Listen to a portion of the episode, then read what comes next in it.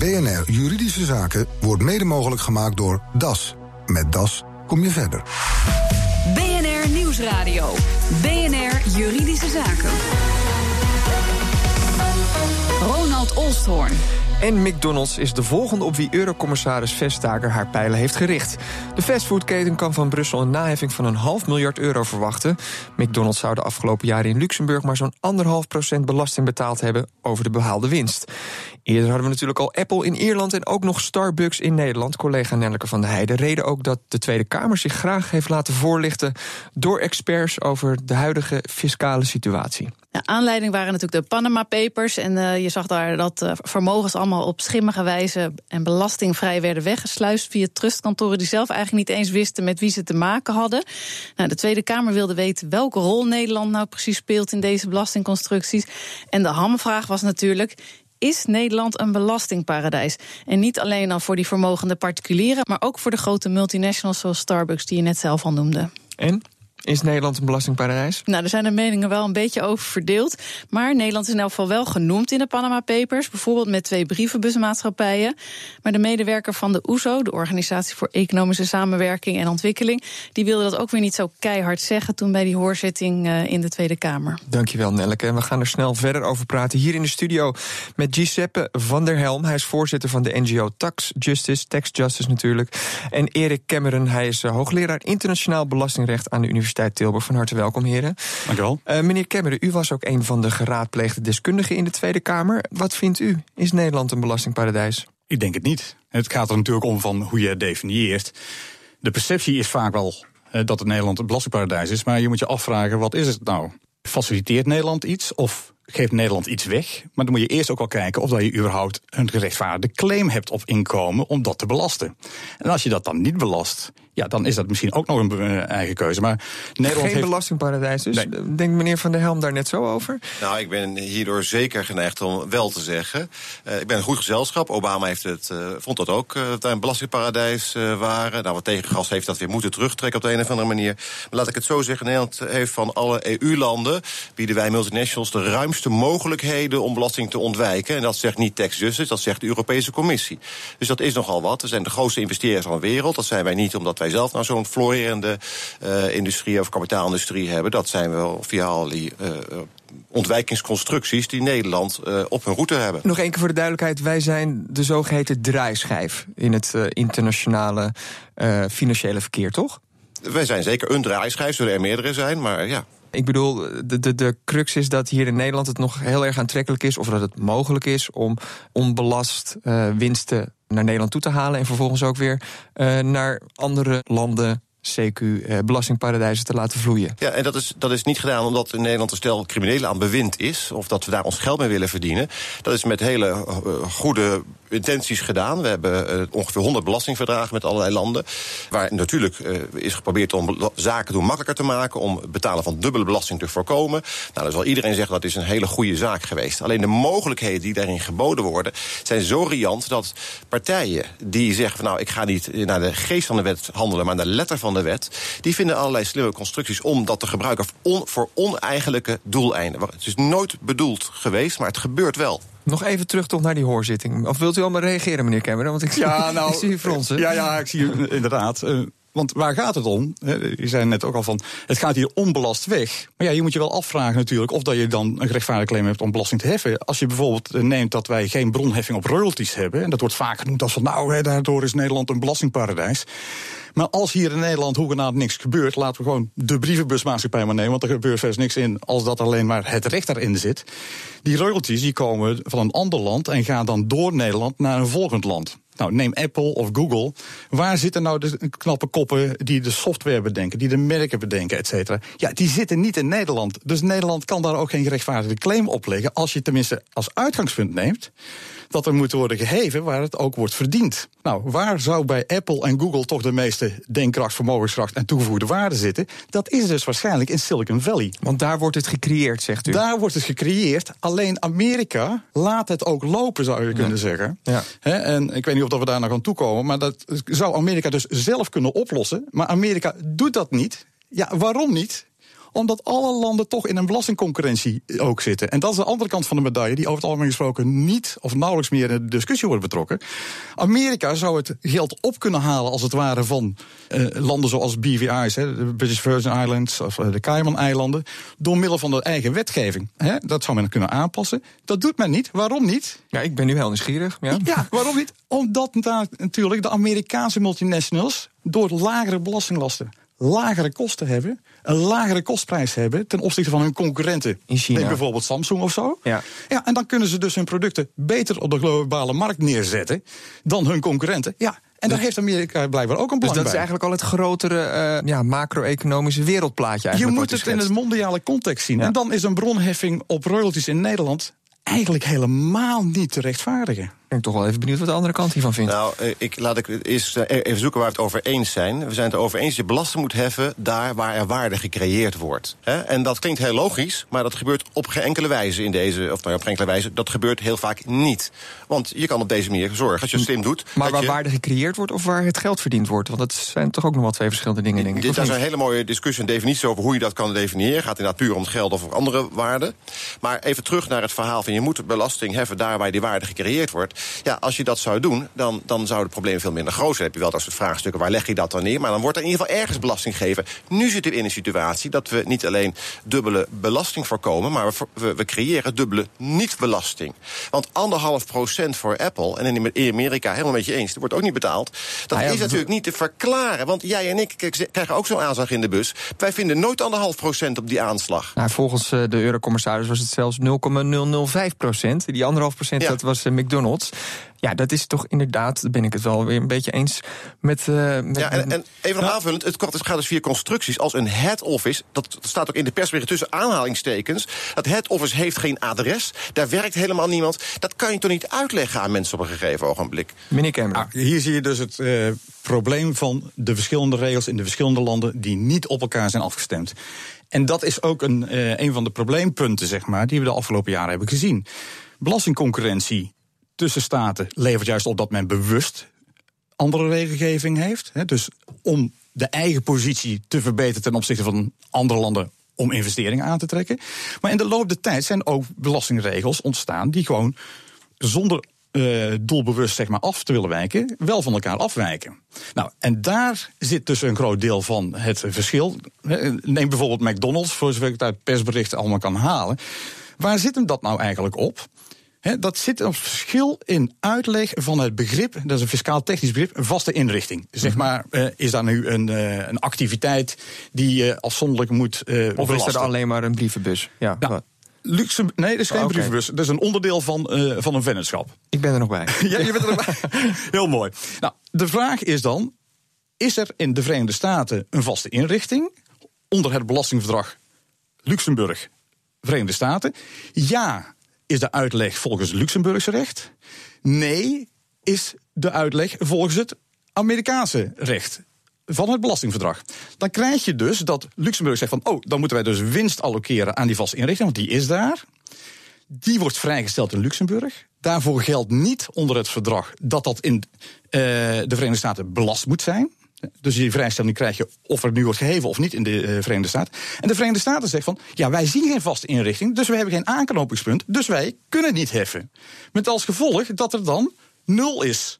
En en dan is een half procent eigenlijk nog veel in die berekening. ja, ja. Maar konden die Tweede Kamerleden u nog wel volgen bij, tijdens de hoorzitting of niet? Want Eh, het is vrij complexe Het is, materie ja, het is een heel technisch complexe materie, maar ik heb het geprobeerd ook zeg maar eh, voorbeeldsgewijs uit te leggen. En ik had het wel het idee dat de Tweede En, Kamerleden en kon werd u volgen. juist hier op deze punten bevraagd door de, door de Nou, ik heb volksvertegenwoordigers? dit zelfs voorbeelden bijvoorbeeld ook genoemd. En, en eh, een van de punten die. eh, Want die- daar is de ophef toch ook wel het grootst over binnen de politieke arena. Nou ja, de staatssteun-issues. hè en eh, we hebben onlangs ook weer eh, nieuwe zaken gekregen. Een Franse. of Maar dat is dus de vraag, inderdaad. Als je het nu hebt over eh, McDonald's, Apple, de 13 miljard.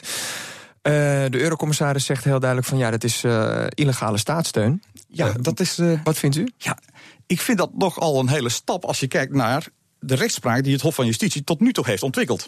Maar wat gaat er bij staatssteun eigenlijk over? Hè, als je het allemaal uitkleedt, eigenlijk wordt een belastingplichtige in een land beter behandeld dan de andere belastingplichtigen in dat land. Dus je moet vergelijken binnen het land. Hè. Dus word je in Luxemburg, hè, wordt McDonald's in Luxemburg beter behandeld dan de andere belastingplichtigen in Luxemburg. Waar het hier om gaat, is twee verschillende landen, namelijk de VS en Luxemburg, die de regelgeving anders uitleggen. Met als gevolg dus dat je een verschil krijgt. Hè. Met een, moeilijk woord noemen we dat in het jargon dispariteit. Mm maar dan betekent dus dat je een verschil van uitleg krijgt met verschillende uitkomsten. Als je het omkeert namelijk, hè, dan zou er dubbele belasting ontstaan bij dezelfde uitleg. Nou, wat kan het staatssteunmiddel niet? Verschillen in regelgeving van twee landen oplossen. Maar laten en, we dat daar probeert, en dat probeert de, de Eurocommissaris Dus wel zegt volgens mij. dit is geen klassiek voorbeeld van staatssteun waarin de staat een bedrijf voortrekt. Het zijn, er zijn meerdere partijen actief eigenlijk. Ja, en je moet dus hier de regelgeving op elkaar afstemmen. Dat is eigenlijk de enige manier waarop je dat kunt oplossen. Ja, en daar ben ik het, zijn wij het helemaal mee eens. Eh, nee, in, in dit geval eh, is wel grappig dat je zegt, eh, waar ik het helemaal in kan vinden. de- We, we praten hier tussen een race to the bottom. Hè, Ja. Dat is een geëikte term. En dat is ook zo. Dat zie je in, in, in landen buiten de Europese Unie, maar ook in onze eigen Europese Unie. Overigens een Europese Unie die zelf miljarden misloopt elk jaar. Wij, zelf, hè, met belastingontwijking. eh, die de burger dus, jij en ik, weer moeten ophoesten. Want ja, we willen ons steeds naar school en wegen hebben eh, eh, en onderwijs genieten. Dus als bedrijven niet betalen, moeten wij dat doen. Ehm, eh, wij hebben daar zelf last van. En de bedrijven die zeggen, ja, wij, wij, wij gaan concurreren met elkaar. In, dat, in die strijd Hè, landen tegen bedrijven, zijn de landen aan de onderliggende hand. Want wat gebeurt er? Bedrijven worden steeds groter. Ik geloof dat 60% van de hele wereldhandel vindt binnen bedrijven plaats. Dan, is, eh, dan, dan begrijp ik ook dat er enorme vrijheid is waar jij bepaalde kosten Dus de laat bedrijven vallen. maken misbruik van de onmacht van de landen, zegt u. Zeker weten, ja, want landen die, die, die willen graag die bedrijven aan boord. Dus zeg nou, wel een deeltje hier, een deeltje daar. En allerlei afspraken die gemaakt worden. eh, misschien met hele goede gronden, maar die wij niet kunnen controleren. Die zijn geheim, voor het publiek zijn die, zijn, die zijn niet te achterhalen.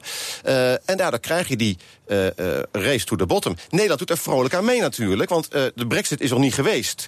Of Engeland zegt, jongens, eh, wij gaan, we hebben die common marketing... maar wij gaan jullie even belonen met een belastingverlaging. Wie die rekening krijgt, dat kunnen wij wel raden, zijn de Engelse burgers. We, de, de geesten in Nederland worden nu al rijp gemaakt... van wij moeten reageren, wij moeten ook verlagen. Wij schieten daar geen bal mee op. Het bedrijf vindt ook helemaal niet erg op zich om te betalen... als er maar gewoon helderheid is. En er zijn twee oplossingen die we kunnen doen. We kunnen straks verder Hou over praten. eventjes vast, want dan gaan we vast. eventjes eh, ertussenuit... en dan komen we straks terug op de, op de oplossingen... kijken of de heren het eens zijn wat dat betreft. Zometeen zijn we terug. Probeer overhemden.com vandaag nog. Nu met een speciale introductieaanbieding. De beste merken, de mooiste overhemden en persoonlijke service. Overhemden.com. Alles is perfect in die auto. Even luisteren. Ik vind het een beetje als een scheepsdiesel klinken. Scheepsdiesel. Ja. Je moet een beetje gaan oppassen. Ja. De Nationale Autoshow. En dan hebben we het over bijtelling, rijgedrag, een beetje autosport en mobiliteitsoplossingen. De Nationale Autoshow. Elke vrijdag van 3 tot 4 op BNR Nieuwsradio. Leaseplan maakt niet alleen dit programma mogelijk, maar ook al uw mobiliteitswensen. Of het nu gaat om een personenauto of een bedrijfswagen. It's easier to leaseplan. De intimiteit was gewoon verdwenen. We vervreemden steeds meer van elkaar. Het voelde alsof mijn vrouwelijkheid van me werd afgenomen. Mijn relatie is gesneuveld. Steun daarom Pink Ribbon. Een borstoperatie of amputatie kan een verwoestende impact hebben. Met onderzoek kunnen we behandelingen verbeteren en de gevolgen verminderen. Kijk op pinkribbon.nl. BNR Nieuwsradio. BNR Juridische Zaken. De onthullingen uit de Panama Papers zorgden voor veel ophef een half jaar geleden. Die ophef lijkt misschien soms wat weggeëpt. Maar ondertussen gebeurt er in Den Haag en vooral ook in Brussel voldoende om eens bij stil te staan. En dat deden we voor de break al met Giuseppe van der Helm. Hij is voorzitter van Tax Justice. En met Erik Kemmeren, hoogleraar internationaal belastingrecht aan de Universiteit Tilburg. Eh, voor de break gingen we eruit met, eh, nou ja, u teaser al naar eh, de twee oplossingen voor de race to the bottom. Hè. Ehm, ik zou zeggen, meneer Van der Helm, ja, introduceer zo kort zodat meneer Kemmeren erop kan reageren. Ja, ik, ik, en ik heb nog een bonus maar oplossing, die zal ik straks nog even eh, vertellen. Maar deze twee, eh, die haken helemaal in wat we wat eerder gehoord hebben. Ehm, eh, wil je die eh, verschillende interpretatie tussen landen eh, wegnemen, dan moet je, kan je binnen de Europese Unie, want dat is natuurlijk de zegen. Hè, uiteindelijk zijn we niet meer één land. Eh, ja, elk land zijn eigen belastingregelgeving, maar je bent een, een één common market geworden. Dus je zou natuurlijk wel kunnen gaan naar een, wat, een, een gemeenschappelijk Europees fiscaal systeem. Een, ja, een sy- systeem. Nee, wacht even, het is wel, het is wel list, toch? Je, de, de, het- de daar berekent, je vennootschapsbelasting, die, die basis daarvan, die eh, spreek je met z'n allen af. Dat heet met een mooi woord de Common Consolidated Corporate Tax Base. Eh, uh, CCCTB. En dan is er helemaal geen discussie meer welk land je dingen laat vallen, want we doen het allemaal binnen de EU op dezelfde manier. Wat je eraan vast moet knopen dan, is dat je ook zegt met z'n allen, we gaan er wel naar een minimum uh, percentage voor de vennootschapsbelasting. Dat moet er niet uh, 3 of 4 procent zijn natuurlijk, dan is het, dan is het meaningless. Hè? En dan zorg je, ja, elk land kan er wel nog steeds zijn eigen tarieven heffen, maar het kan niet daar beneden. En dan stop je die race to the bottom. In ieder geval... Minimumtarieven binnen de EU, EU hoor ik ja. hier. Meneer Kemmeren. Nou, ik denk dat wij elkaar hier heel snel hebben gevonden, hoor. hier, zo mag lezen nou. Uh, ik heb ook in de Tweede Kamer uh, gezegd van... je moet kijken op welk niveau je wil concurreren. Dat je dus je investeringsklimaat wil verbeteren. Nou, we zitten niet voor niets in een Europese Unie. Die interne markt is heel belangrijk voor ons. Een beetje tegen de stroom in. Ik ben echt een voorstander van die Europese Unie. Kijk eens even 60 jaar terug. Het is nog nooit zo lang vrede geweest in Europa dan in deze periode. Hoe komt dat nou? Nou, onder andere denk ik door de economische integratie. Wij kunnen het er niet meer veroorloven dat we elkaar uh, het hoofd eraf schieten, om het maar heel plat te zeggen. Ook niet op fiscaal gebied? Ook niet op fiscaal gebied, want dat is eigenlijk de verkeerde energie.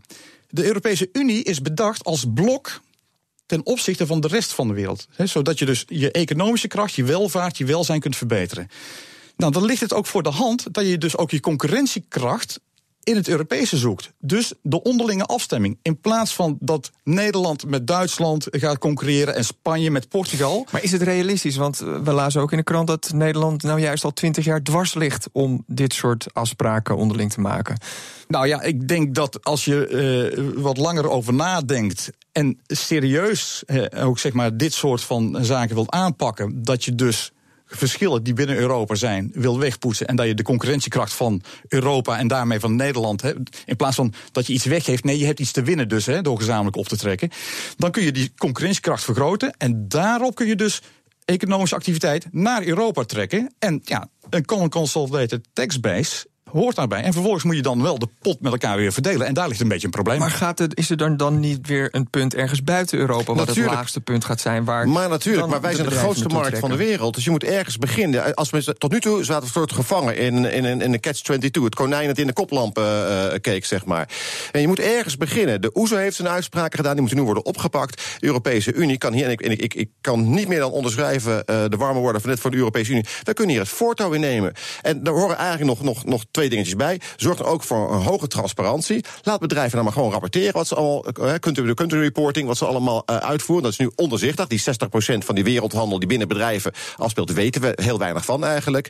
En beste bedrijven, zorg ervoor dat je nou eerst eens een goed beleid gaat opstellen. Denk eens na wat nou eigenlijk jij wil. Want je hebt ook nog een keuze. Dit zegt de wet.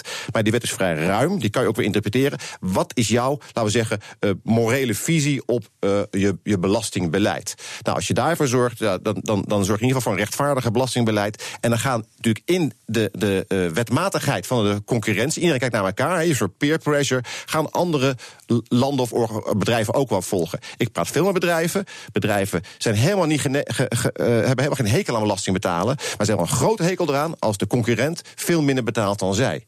Dus je moet een groot blok hebben waar je ergens kan beginnen en dan gaat de rest, die krijgt die peer pressure is, is, in die zin toch iets, iets, iets groots aan het gebeuren? Is er een soort van verschuiving gaande? Um, nou ja, ook door die zaken die nu aanstaande zijn tegen, tegen Apple, tegen Starbucks, tegen McDonald's. Nou, als je kijkt, vijf jaar geleden. En de Panama Papers ja, natuurlijk. Vijf jaar geleden was er uh, niet heel veel appetite, om het zo te zeggen, bij regeringen om samen te werken. Dus dat is, vind ik wel de grote winst van de afgelopen jaren, die discussie. Uh, maar we moeten ook niet overdrijven zeg maar, de factor belasting en de factor VPB in het investeringsklimaat. Het is één van de factoren, belastingen. En dan is de vennootschapsbelasting daar maar weer een onderdeel van. Terwijl nu de focus is volledig op die vennootschapsbelasting. Dat is wel een moeizame discussie, vind ik zo af en toe. En dan ook nog eigenlijk vrij eenzijdig. De multinationals, dat, dat zijn eigenlijk de boosdoeners. Ja. En de, de regelgevers die eigenlijk zeg maar, het mogelijk maken dat de belastinglast naar beneden wordt gedrukt op deze manier, ja, die lopen eigenlijk een beetje weg. En ik, ja, ik hoop dat het momenten wordt vastgehouden. Maar uh, de heer Van Helm die wees al op de Brexit. Je ziet nu alweer neigingen met he, de economische herstel. Er is minder noodzaak om ja. budget te genereren, om het zo maar te zeggen. Wat volgens mij toch een van de driving forces was ook om tot samenwerking te komen. Dat men alweer heel snel vervalt in belastingconcurrentie naar elkaar toe. En gezonde belastingconcurrentie, daar is niks mis mee. Want dat betekent dat er nieuwe activiteiten ontstaan. Maar als je alleen maar belast, als je belastingconcurrentie hebt waarbij alleen maar de activiteiten verschuiven. dan heb je welvaartsverlies. Want dan heb je transactiekosten om de activiteit van uh, Frankrijk naar uh, Duitsland te verkassen. Ja, als dat dezelfde activiteit is, dan wordt er niet meer geproduceerd, maar je hebt wel de transactiekosten van de verplaatsing. Dus dat is welvaartsverlies. Nu, ja, en, ja. en, daar moet men dus voor waken dat je dus daar niet in terecht komt. Oké, nu hebben we dus al de hoorzittingen gehad in de Tweede Kamer. Waren natuurlijk uh, na het verschijnen van de Panama Papers ook stemmen die zeiden van ja, we moeten naar een parlementaire enquête. Nou, dat werd snel een mini-enquête. Um, wat heeft jullie voorkeur? Moet er inderdaad nog een groots onderzoek uh, worden verricht naar dit soort praktijken waar we het afgelopen half uurtje over hebben gehad? Ik denk het zeker. Uh, het is wel interessant om eens kijken wat een mini-enquête doet. En uh, er zijn meerdere redenen uh, voor te bedenken. Ik denk dat het goed is dat de Tweede Kamer zich hier is wat grondiger in verdiept. Het gaat niet alleen om brievenbusmaatschappijen. Het gaat ook om het functioneren van ja, wat multinationals van de, van de zaken doen. Wat, wat voegt er inderdaad toe? Moet je concurreren op belastingen? Is het goed voor bedrijven om je geld te verdienen met belastingontwijking? Of moet je toch maar je primaire procesleer liever gaan kijken? en ik, ik ben het ook wel eens, het is altijd een spel. Bedrijven moeten nadenken wat ze willen. Hè, maar net zo goed de overheden natuurlijk. En die duiken toch wel vaak weg of vindt dit uh, ingewikkeld. Andere mensen, het is niet, niet echt een sexy onderwerp. Uh, laat het maar eens meer in de, in, in, de, in de belangstelling staan. En vergeet niet de belangrijke groep van belastingadviseurs. Kijk ook even naar de overkant. Uh, ik want, ben een academicus en wetenschapper. Een wetenschappelijk volstre volstrekt onafhankelijk. Dat ja. wil ik wel erg benadrukken, ja. meneer Van der Helm. Nee, heel goed meegenomen. Maar dat laat niet weg dat adviseurs een heel belangrijke rol spelen. En zolang die nog steeds roepen, wat laatst bij een congres gebeurde... van jongens, het is de klant die overal verantwoordelijkheid eh, voor, verantwoordelijk voor is. Wij weten van niks. He, denk ja, dan mag je ook je rol ook in deze maatschappelijke discussie wel oppakken en meedenken met de klant wat dan wel verantwoord is. Ik, ik dank jullie wel voor jullie komst naar de studio en de deelname aan deze discussie. U hoorde als laatste Giuseppe van der Helm van Tax Justice en daarvoor Erik Cameron, hoogleraar internationaal belastingrecht. BNR Nieuwsradio. BNR Juridische Zaken. Eerschel woonde er al toen hij opeens een nieuw huurcontract kreeg voorgeschoteld. Hij tekende wel, maar vraagt zich nu af of de wijzigingen die erin staan wel mogen. Het verslag is van Nelker van der Heijden.